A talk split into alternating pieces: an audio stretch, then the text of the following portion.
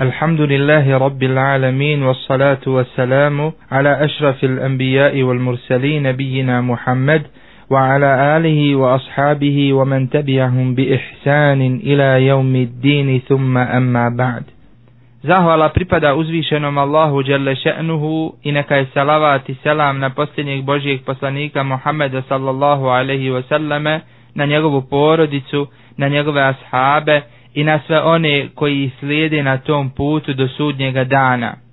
U vjerodostojnom hadisu nam Abdullah ibn Umar radijallahu ta'ala anhu prenosi od poslanika sallallahu alaihi wasallam da je rekao Islam je sagrađen na pet stvari – svjedočenju da nema drugog istinskog Boga osim Allaha Đelešanuhu i da je Muhammed sallallahu alaihi wasallam Allahov rob i poslanik, klanjanju namaza, davanju zekata, postu mjeseca Ramazana i obavljanju hađa.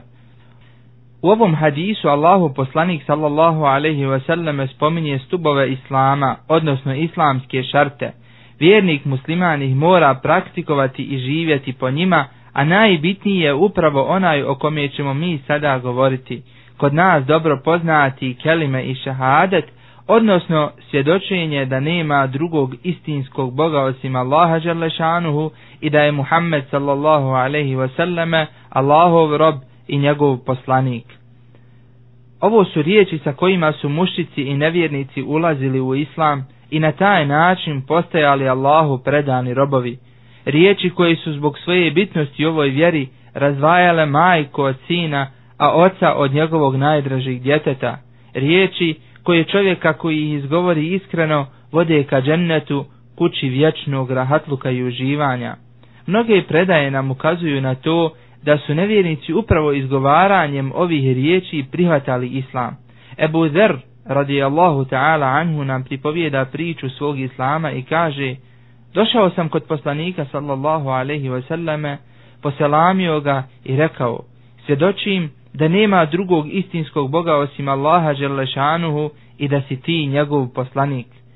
Dalje kaže Ebu Zer radijallahu ta'ala anhu, u tom trenutku sam vidio neopisivu radost na poslanikovom sallallahu alaihi wasallam licu.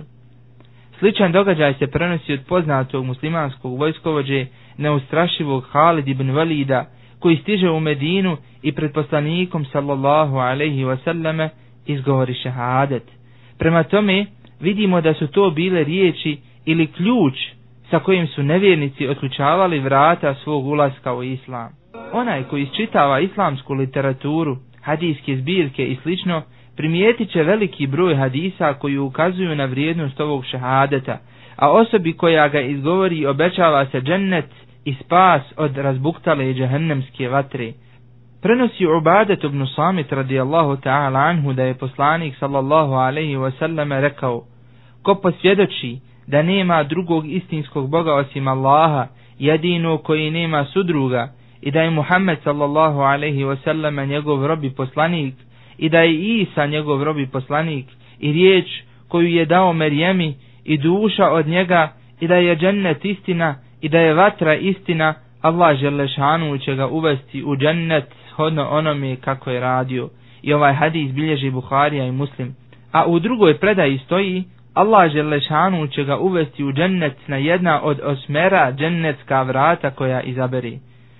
Muslim bilježi hadis od Osmana radijallahu ta'ala anhu da je poslanik sallallahu alaihi ve sellem rekao Men mate, wa huwa ja'lamu an la ilaha illa Allah, dehala al dženne. ko umre, a zna da nema drugog istinskog Boga osim Allaha Želešanuhu, ući će u džennet. A Ebu Hureyre radijallahu ta'ala anhu prenosi da je poslanik sallallahu alaihi wa sallam rekao Ašhadu an la ilaha illa Allah wa anni rasulullah la yalqa Allaha bihima abdun gajra šakin fihima illa dekhala dženne. Kaže poslanik sallallahu alaihi wa sallam Svjedoči im da nema drugog istinskog Boga osim Allaha i da sam ja njegov poslanik. Ovo su riječi kojim rob neće svesti svoga gospodara, ne sumnjajući u njih, a da neće ući u džennet. I ovaj hadis bilježi ima muslim. U drugom hadisu Ubadet ibn Samit kaže da je čuo poslanika sallallahu alaihi wasallam kada je rekao Men šehide an la ilaha illa Allah wa anna Muhammeden Rasulullah harram Allahu alaihi nar. Kaže poslanik sallallahu alaihi wasallam ko posvjedoči da nema drugog istinskog Boga osim Allaha, te da je Muhammed sallallahu alaihi wasallam njegov poslanik, Allah žele še'nuhu će ga zabraniti vatri, to jeste zabranit će vatri da ga prži. I ovaj hadis također bilježi ima muslim.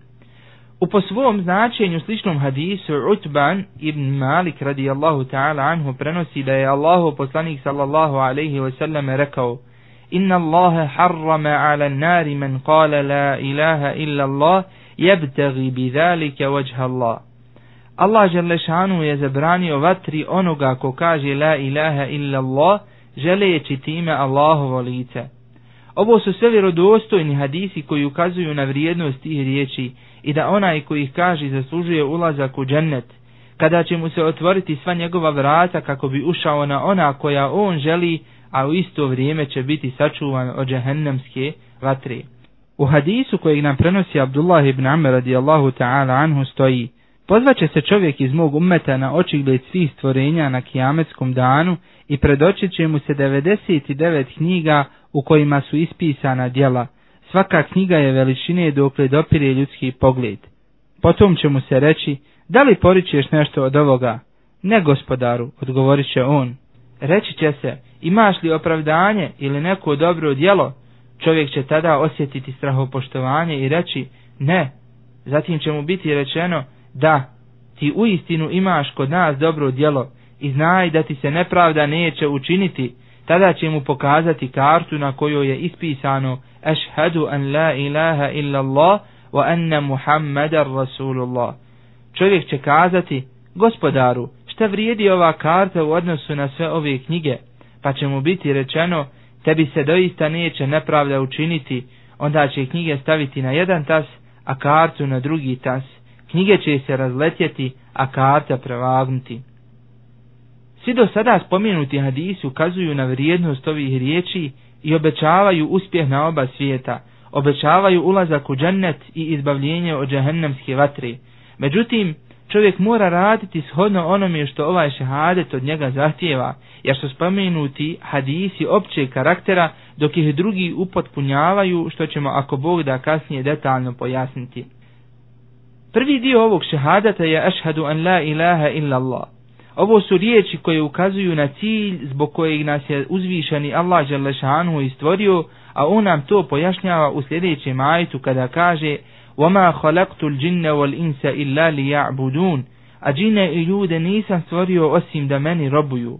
Ove riječi su stubovi Islama i njima su pozivali svi poslanici. Zbog njih je Allah Želešanu stvorio džennet i džahennem, One ne traže od nas da ih samo izgovorimo, nego naprotiv, kada ih već izgovorimo, onda moramo i raditi po onome što one povlače za sobom. A puko svjedočenje čovjeku neće biti od koristi na sudnjem danu. Arapi i mušici, koji su živjeli sa Allahovim poslanikom sallallahu alaihi wasallam su ovu činjenicu i tekako dobro razumijeli, pa su zbog toga i odbili da izgovori. Znali su da ako posvjedoče da to znači potpuna pokornost gospodaru svih svjetova u malom i velikom, javnom i tajnom, što oni nisu htjeli prihvatiti, nego su naprotiv govorili, zar će on bogove učiniti jednim bogom, zaista je to čudna stvar. Bili su svjesni da ako izgovori šehade da će onda morati promijeniti svoj život i ostaviti paganska ubjeđenja i običaje, odbili su to učiniti iako im je Allahov poslanik sallallahu alaihi wasallame obećao vlast nad Arapima i ne Arapima pod uslovom da ih izgovori. Sad ćemo pokušati objasniti značenje svake riječi pojedinačno iz prvog dijela šehadeta. Riječ ešhadu podrazumijeva svjedočenje i priznanje, to jeste očitovanje jezikom, ubjeđenje srcem i potvrda svega toga svojim tijelom. Dokaza ovo su riječi uzvišenog Allaha Želešanu koji kaže Iza jaaka al munafiquna qalu nashhadu innaka la rasulullah wallahu ya'lamu innaka la rasuluhu Wallahu yashhadu innal munafiqina lakazibun. Kaže uzvišeni, kada ti licemiri dolaze, oni govore, mi tvrdimo da si ti zaista Allahu poslanik i Allah zna da si ti zaista njegov poslanik, a Allah tvrdi i da su licemiri pravi lašci. Kao što se može primijetiti iz ovog ajeta, Allah Želešanu nas obavještava da licemjeri lažu i ne govore istinu, mada su rekli da Isus svjedoči. Međutim, to svjedočenje je bilo samo jezikom, ali ne i srcem i dijelima, zbog čega im nije ni koristilo. Druga riječ u ovom prvom dijelu šehadeta je la ilaha, nema božanstva. Riječ la ovdje stoji za negaciju, to jeste negira ono što dolazi poslije nje. Riječ ilah znači me'luh, odnosno ono što se obožava, ono čemu se čovjek pokorava i čemu iskazuje svoju poniznost. U ovoj rečenci predikat negacije la je izostavljen što inače dozvoljen u arapskom jeziku. Taj predikat je riječ haqqan, što bi značilo istinski. Prema tome je kompletno i potpuno značenje ovog prvog dijela šehadeta bi bilo nema istinskog božanstva koje zaslužuje da bude obožavano osim Allaha Đerlešanuhu. Izgovarajući ove riječi čovjek postaje Allahov Đerlešanuhu rob, samo njemu upučuje ibadet, samo od njega strahuje te negira sva lažna i izmišljena božanstva mimo njega subhanahu wa ta'ala.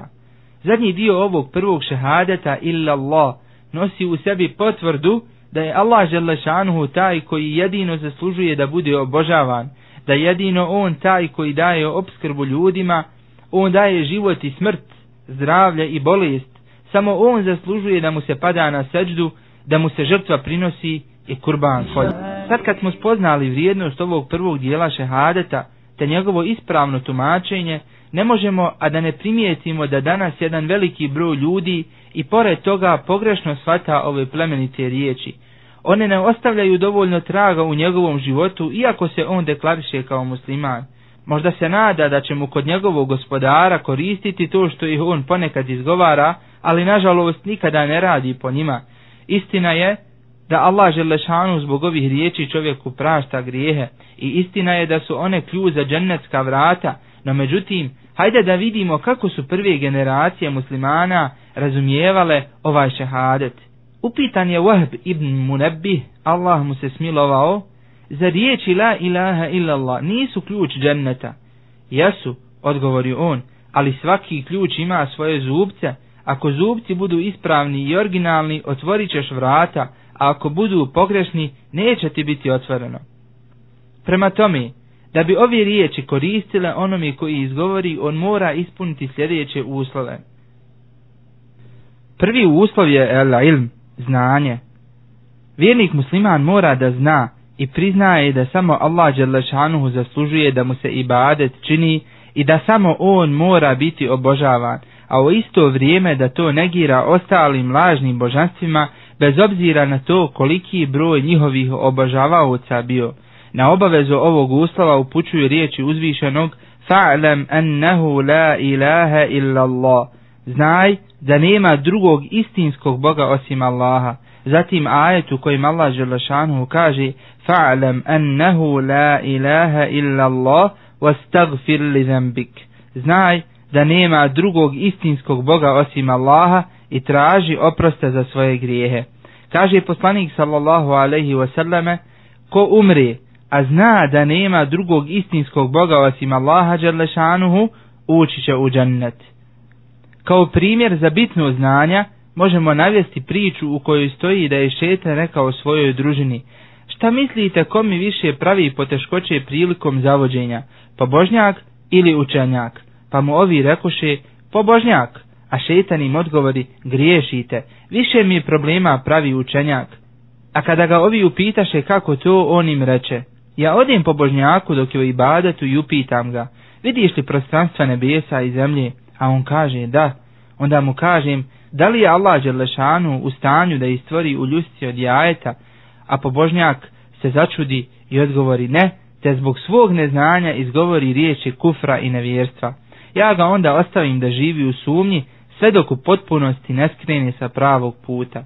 Međutim, kada učenjaku postavim isto pitanje, on mi odgovori Allah Đerlešanu je u stanju da ako hoće s jednom riječu stvori nebesa i zemlju, u tvome oku, a kamoli u ljusti od jajeta, tako on otkloni sumnju od sebe i onih koji ga slušaju.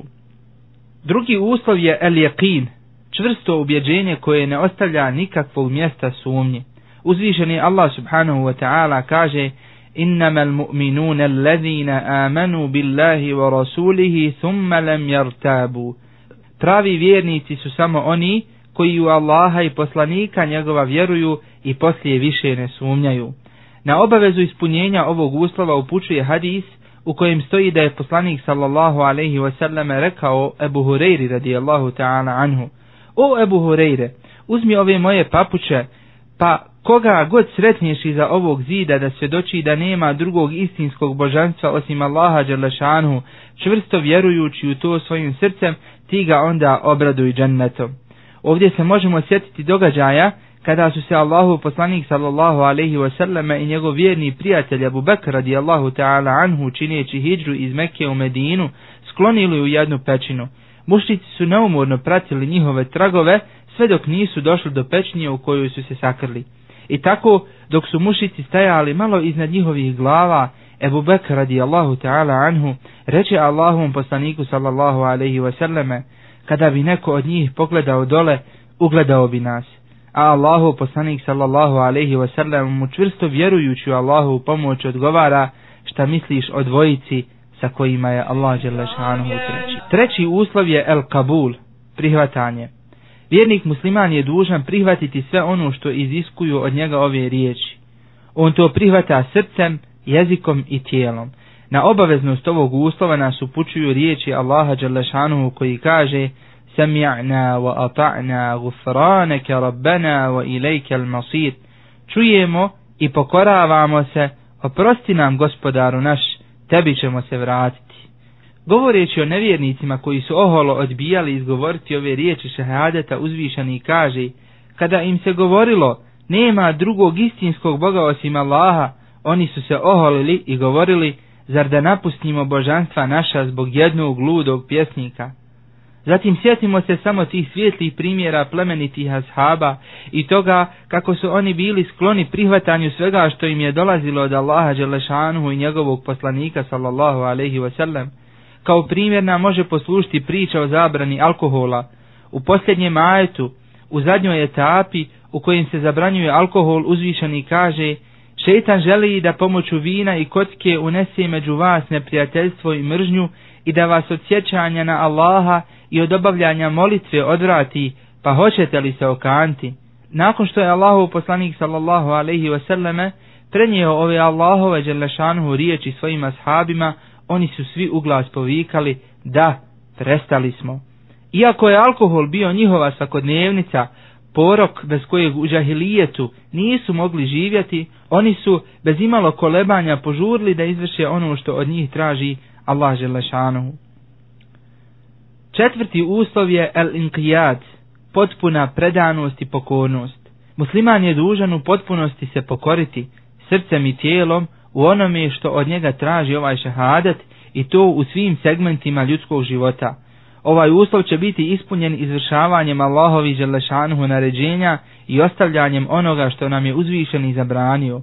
O ovom uslovu govori dosta ajeta, a mi ćemo spomenuti samo neke.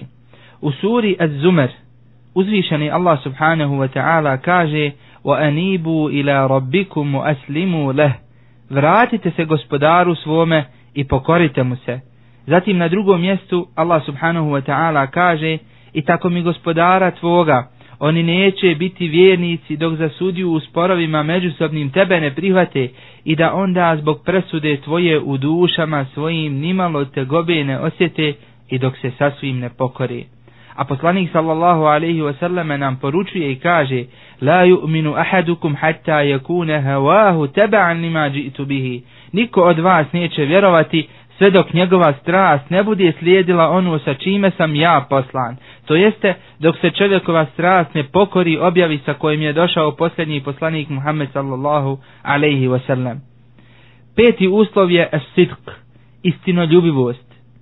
Na obavezu ispunjavanja ovog uslova nam ukazuju riječi uzvišenog koji kaže Elif la mim, misle li ljudi da će biti ostavljeni na miru ako kažu mi vjerujemo i da u iskušenje neće biti dovedeni, a mi smo u iskušenje dovodili i one prije njih da bi Allah sigurno ukazao na one koji su istino ljubivi i na one koji lažu. A u drugom ajetu na početku sure El Bekare Govoreći o munaficima i licemjerima uzvišeni Allah subhanahu wa ta'ala kaže Ima ljudi koji govore vjerujemo u Allaha i onaj svijet, a oni nisu vjernici. Oni nastoje da prevare Allaha i one koji vjeruju, a oni i ne znajući samo sebe varaju. Njihova srca su bolesna, a Allah njihovu bolest još povećava. Njih čeka bolna patnja zato što lažu.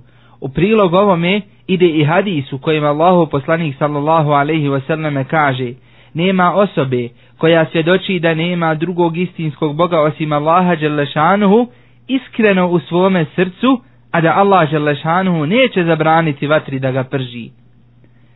Zatim šesti uslov je el-ihlas, iskrenost. Vjernik musliman je dužan u svim svojim ibadetima, velikim i malim, javnim i tajnim, da traži samo Allahovo Đerlašanuhu zadovoljstvo i njegovu nagradu. On svoje srce mora očistiti od svih primijesa širka i svega što je u koliziji sa istinskom pokornošću i predanošću uzvišenom Allahu džerlašanuhu. U tom kontekstu Allah džerlašanuhu kaže وَمَا أُمِرُوا إِلَّا لِيَعْبُدُ اللَّهَ مُخْلِصِينَ لَهُ الدِّينَ حُنَفَاءَ A naređeno im je da se samo Allahu klanjaju, da mu iskreno kao pravovjerni vjeru ispovjedaju. Na drugom mjestu uzvišeni kaže Ala lillahi dinul khalis Iskreno ispovjedanje vjeri je duge Allahu. Zatim sedmi uslov je el mahabbe, to jeste ljubav prema ovim riječima i ovom šehadetu. Vjernik mora voliti ovaj šehadet i sve ono što on traži od njega kao muslimana.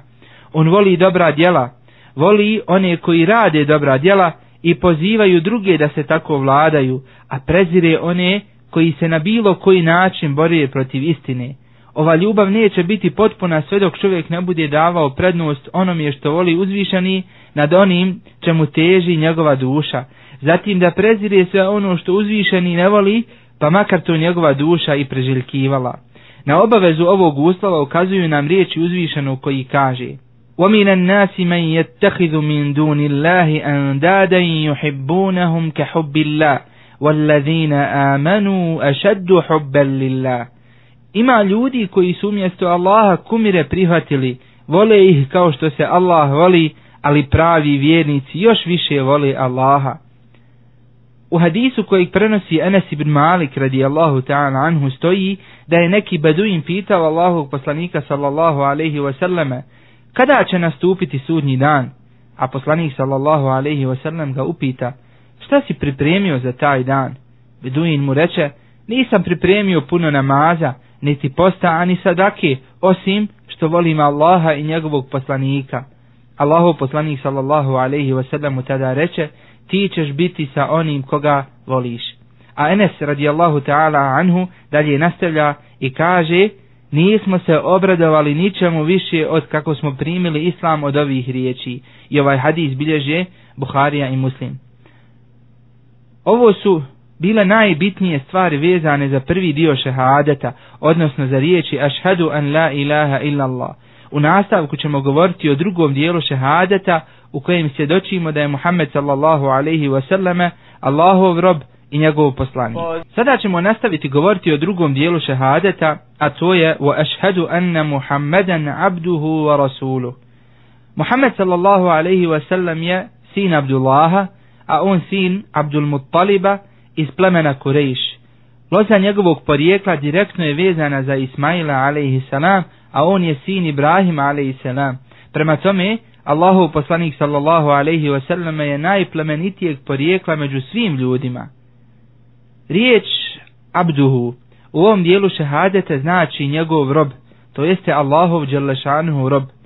Ova riječ negira bilo kakvo božansko svojstvo ili osobinu koju bi neko eventualno mogao pripisati Allahovom poslaniku sallallahu alaihi wasallame. Prema tome, On je Allahov dželešanuhu rob i to nije nikakva mana, nego ponos kojim se diči svaki vjernik, a pogotovo poslanik sallallahu alaihi wasallame. Riječ wa rasuluhu znači njegov poslanik, to jeste Allahov dželešanuhu poslanik. Ovo je najveća čast koja može biti ukazana jednom čovjeku. Postoji pet najodabranijih poslanika koji se nazivaju Ulul Azm, a oni su Nuh, Ibrahim, Musa, Isa i Muhammeda alaihimu salatu wassalam. Najodabraniji među njima je Muhammed sallallahu alaihi wasallame koji je ujedno zadnji poslanik i pečat svim poslanicima. Prednost Allahovog poslanika Muhammeda sallallahu alaihi wasallame na drugim poslanicima se ogleda i u tome što je on stigao do sedmog neba, razgovarao sa svojim gospodarem bez posrednika, vidio džennet i džehennem, te je kao pečat poslanicima poslan svim ljudima i džinima do sudnjega dana. Prema tome, ovaj dio šehadeta znači posvjedočiti jezikom i srcem da je Muhammed sallallahu alaihi wasallame Allahov poslanik, kojeg je uzvišeni poslao ljudima i džinima, da im dostavi Allahovu poslanicu i knjigu koju mu je objavio. Kaže uzvišeni, Kul ja ejuhan nasu inni rasulullahi ilaikum džemija. Reci, o ljudi, ja sam Allahov poslanik koji je poslan svim ljudima. A u drugom ajetu uzvišeni kaže, تبارك الذي نزل al-furqana ala abdihi للعالمين نذيرا lil. Neka je uzvišen onaj koji robu svome objavljuje Kur'an da bi svjetovima bio opomena. Da bi čovjek bio musliman, vjernik, mora ispuniti uslove koje smo spomenuli govorijeći o prvom dijelu šehadeta. Međutim, i pored toga njegov šehadat neće biti ispravan ako ne upotpuni i ovaj drugi, a to je svedočenje da je Muhammed sallallahu alaihi wasallame Allahov rob i njegov poslanik. Danas imamo ljude koji priznaju Allaha Želešanu kao svog vrhovnog i jedinog gospodara, ali poriču i odbijaju da prihvate poslanstvo Muhameda sallallahu alaihi wasallam, što ih ostavlja u krugu kufra i nevjerstva. Zato je potrebno naučiti koji su to uslovi koji se moraju ispuniti da bi i ovaj drugi dio šahadeta mogao biti ispravan i primljen kod našeg gospodara Allaha Želešanovu. Prvi uslov za ispravnost ovog dijela šehadeta jeste el imanu bihi, vjerovanje u istinitost njegovog poslanstva te da je poslan svim svjetovima. Jedne prilike je poslanik sallallahu alaihi wasallame vidio Omera radijallahu ta'ala anhu kako nosi neke stranice Tevrata, pa mu reče šta je to Omere? A Omer radijallahu ta'ala anhu odgovori ovo su stranice Tevrata, želim nešto pročitati iz njega. Tada mu poslanik sallallahu alaihi wasallam reče da je moj brat Musa a.s. sada živ, morao bi me slijediti. A u drugom hadisu Allahu poslanik sallallahu alaihi wasallam kaže, tako mi je Allaha, Allah Želešanuhu je odlučio da ja budem poslanik prije nego što je Ademu a.s. udahnuta duša. I ovaj hadis bilježi ima muslim. Priznanjem da je Muhammed sallallahu alaihi wasallam Allahov rob i njegov poslanik, negiramo to da njemu pripada neka božanska osobina. Mi vjerujemo da on ne poznaje gajb i nepoznato, da ne može nikoga izliječiti bez Allahovog određenja, da ne upravlja svemirom i da ne daje ljudima obskrbu Ove stvari su svojstvene samo Allahu Đerlešanuhu, gospodaru svih svjetova. Drugi uslov je tasdikuhu, priznavanje i prihvatanje svega o čemu nas je obavijestio Allahu poslanik sallallahu alaihi wasallame, bez obzira radilo se o stvarima vezanim za dunjaluk ili ahiret. Kaže uzvišeni, وَمَا آتَاكُمُ الرَّسُولُ فَهُذُوهُ Ono što vam poslanik dadnje, to uzmite, to jeste, izvršite ono što vam se naređuje. Treći uslov je ta'atuhu, pokornost i izvršavanje svega onoga što nam je naredio, a ostavljanje onoga što nam je zabranio Allahu poslanih sallallahu alaihi wa sallame. Kaže uzvišeni Allah želešanhu, Men yuti'a ir rasule faqad ata'a Allah, wa men tawalla fama arsalnaka alaihim hafidha.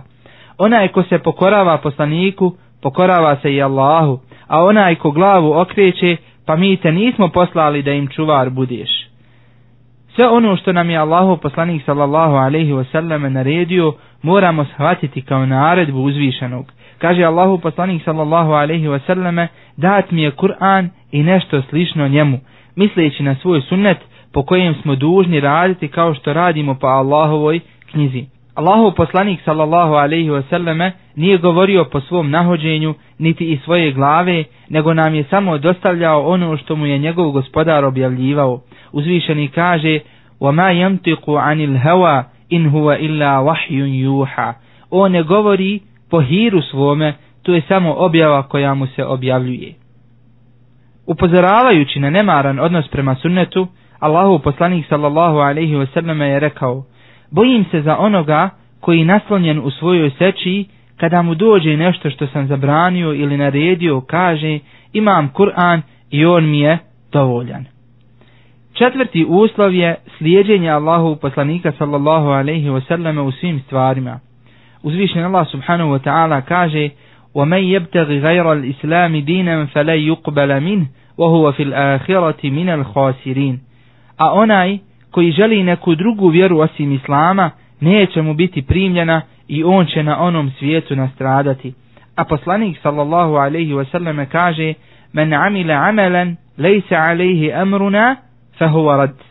Ko uradi dijelo suprotno našoj praksi, neće mu biti primljeno. U jednom drugom hadisu Allahu poslanik sallallahu alaihi wasallam kaže Svi pripadnici mog umeta će ući u džennet osim onih koji to odbiju. Pa prisutni ashabi upitaše, a ko će to odbiti u Allahu poslaniće? Poslanik sallallahu alaihi wasallam im tada reče, ko mi se pokori, ući će u džennet, a ko mi bude nepokoran, taj je odbio. Peti uslov je prihvatanje Allahu poslanika sallallahu alaihi wasallam kao sudije u svim segmentima ljudskog života, zadovoljstvo sa njegovom presudom i vjerovanje da je to jedina i istinska pravda.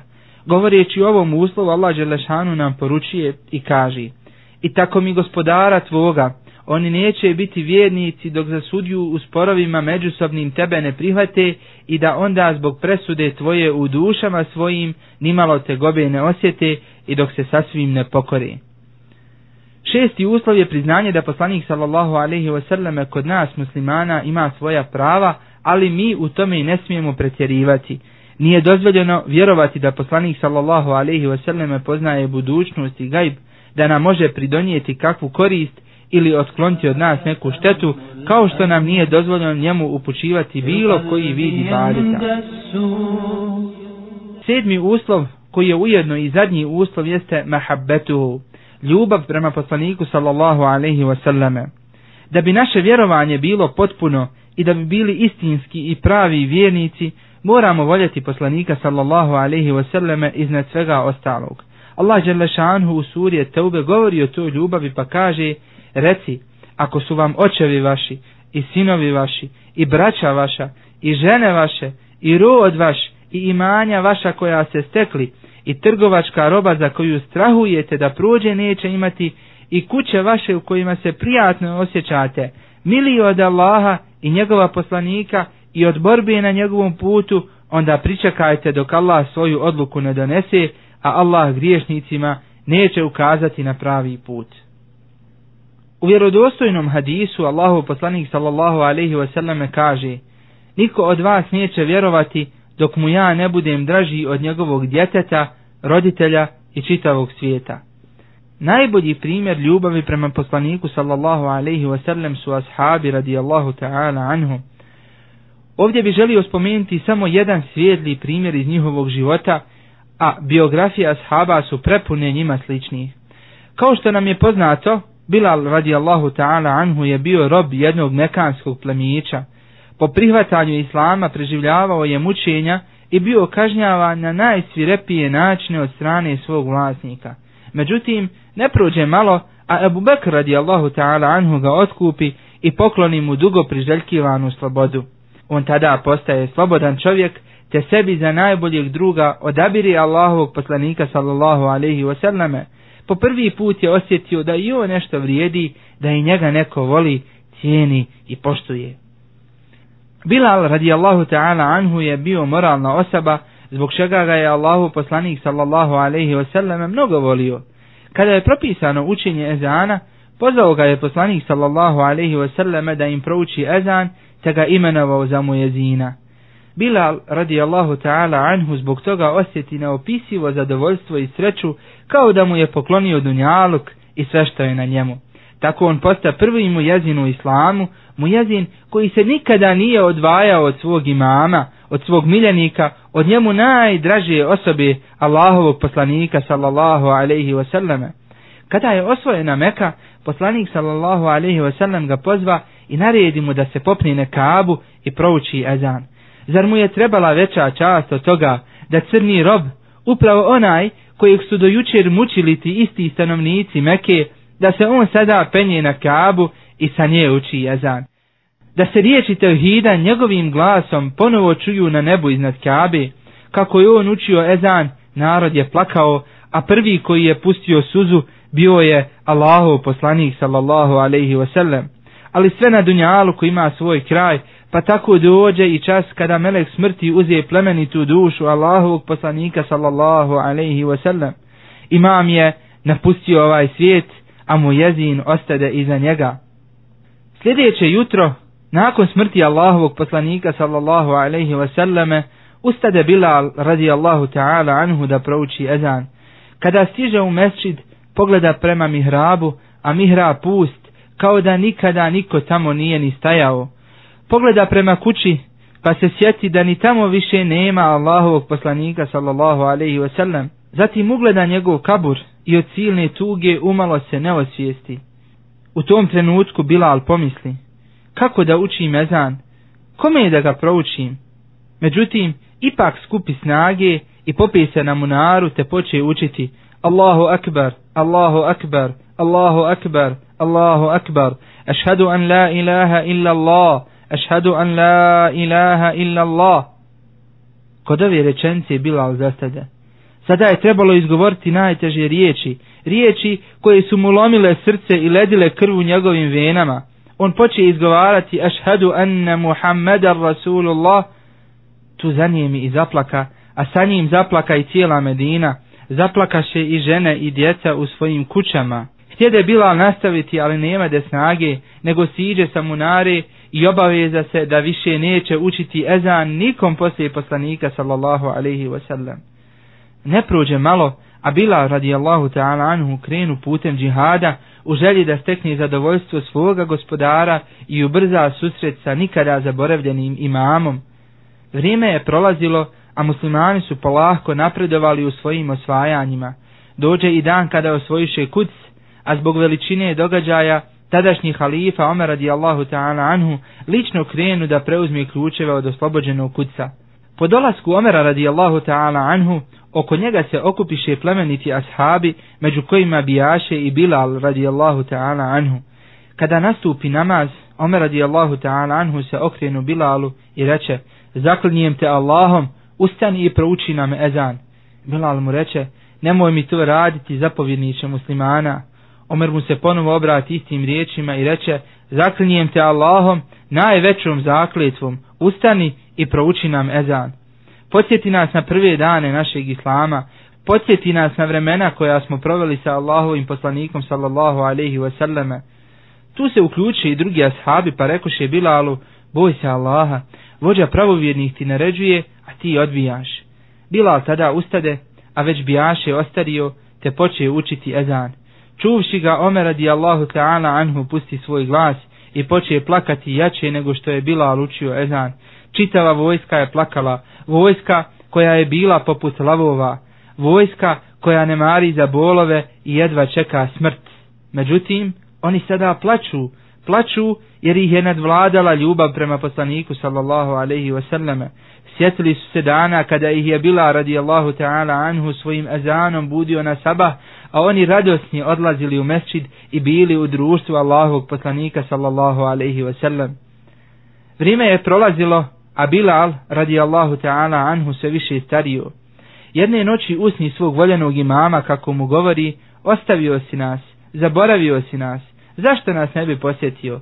Bilal se probudi u suzama, ustade, uze abdest i klanja dva rekiata, potom spremi svoju jahalcu i krenu prema Medini.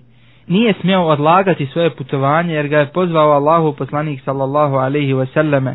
Stigao je pred sabah namaz dok su stanovnici Medine još uvijek mirno spavali. Toga jutra Allahovim određenjem Mujezin poslanikove sallallahu alaihi wasallame džamije zakasni sa ezanom. Iz straha da ljudi ne prespavaju sabah namaz, Bilal se popeje na munaru i poče učiti ezan. Kada stiže do riječi ašhadu anna Muhammeda Rasulullah, nema de snage da ih prouči te poče plakati. Onda se ponovi isti prizor kao i onog jutra nakon smrti poslanika sallallahu alaihi wasallam. Čitava Medina je ponovo bila u suzama, kako i ne bi kada su imali tu čast da žive sa najboljim stvorenjem koje ikada hodilo zemljom. Uživali su tu blagodat, a onda je odjednom izgubili, Allahu poslanik sallallahu alaihi wasallam je preselio, ali ga oni nikada nisu prebolili. Njihova ljubav prema njemu je bila neopisiva, bila je jača od svake druge ljubavi. Tu je tajna njihovog uspjeha, zato i jesu bili bolji od nas. A nama ne preostaje ništa drugo nego da molimo Allaha Želešanu da ispuni naša srca istom tom ljubavlju i da ta ljubav urodi plodom. Plodovi te ljubavi su istinsko i potpuno prihvatanje te slijeđenje onoga sa čima je došao posljednji Allahov poslanik Muhammed sallallahu alaihi wasallame. Samo ako budemo iskreni i dosljedni u slijeđenju sunneta, možemo očekivati Allahovu Đelešanuhu milost i njegov oprost. Na kraju, Molim uzvišenog Allaha Đelešanuhu da ove riječi budu dokaz za nas, a ne protiv nas. Molim ga da nam oprosti grijehe i uvede nas u svoj džennet. Amin. Wa subhanaka Allahumma bihamdik ashhadu an la ilaha illa anta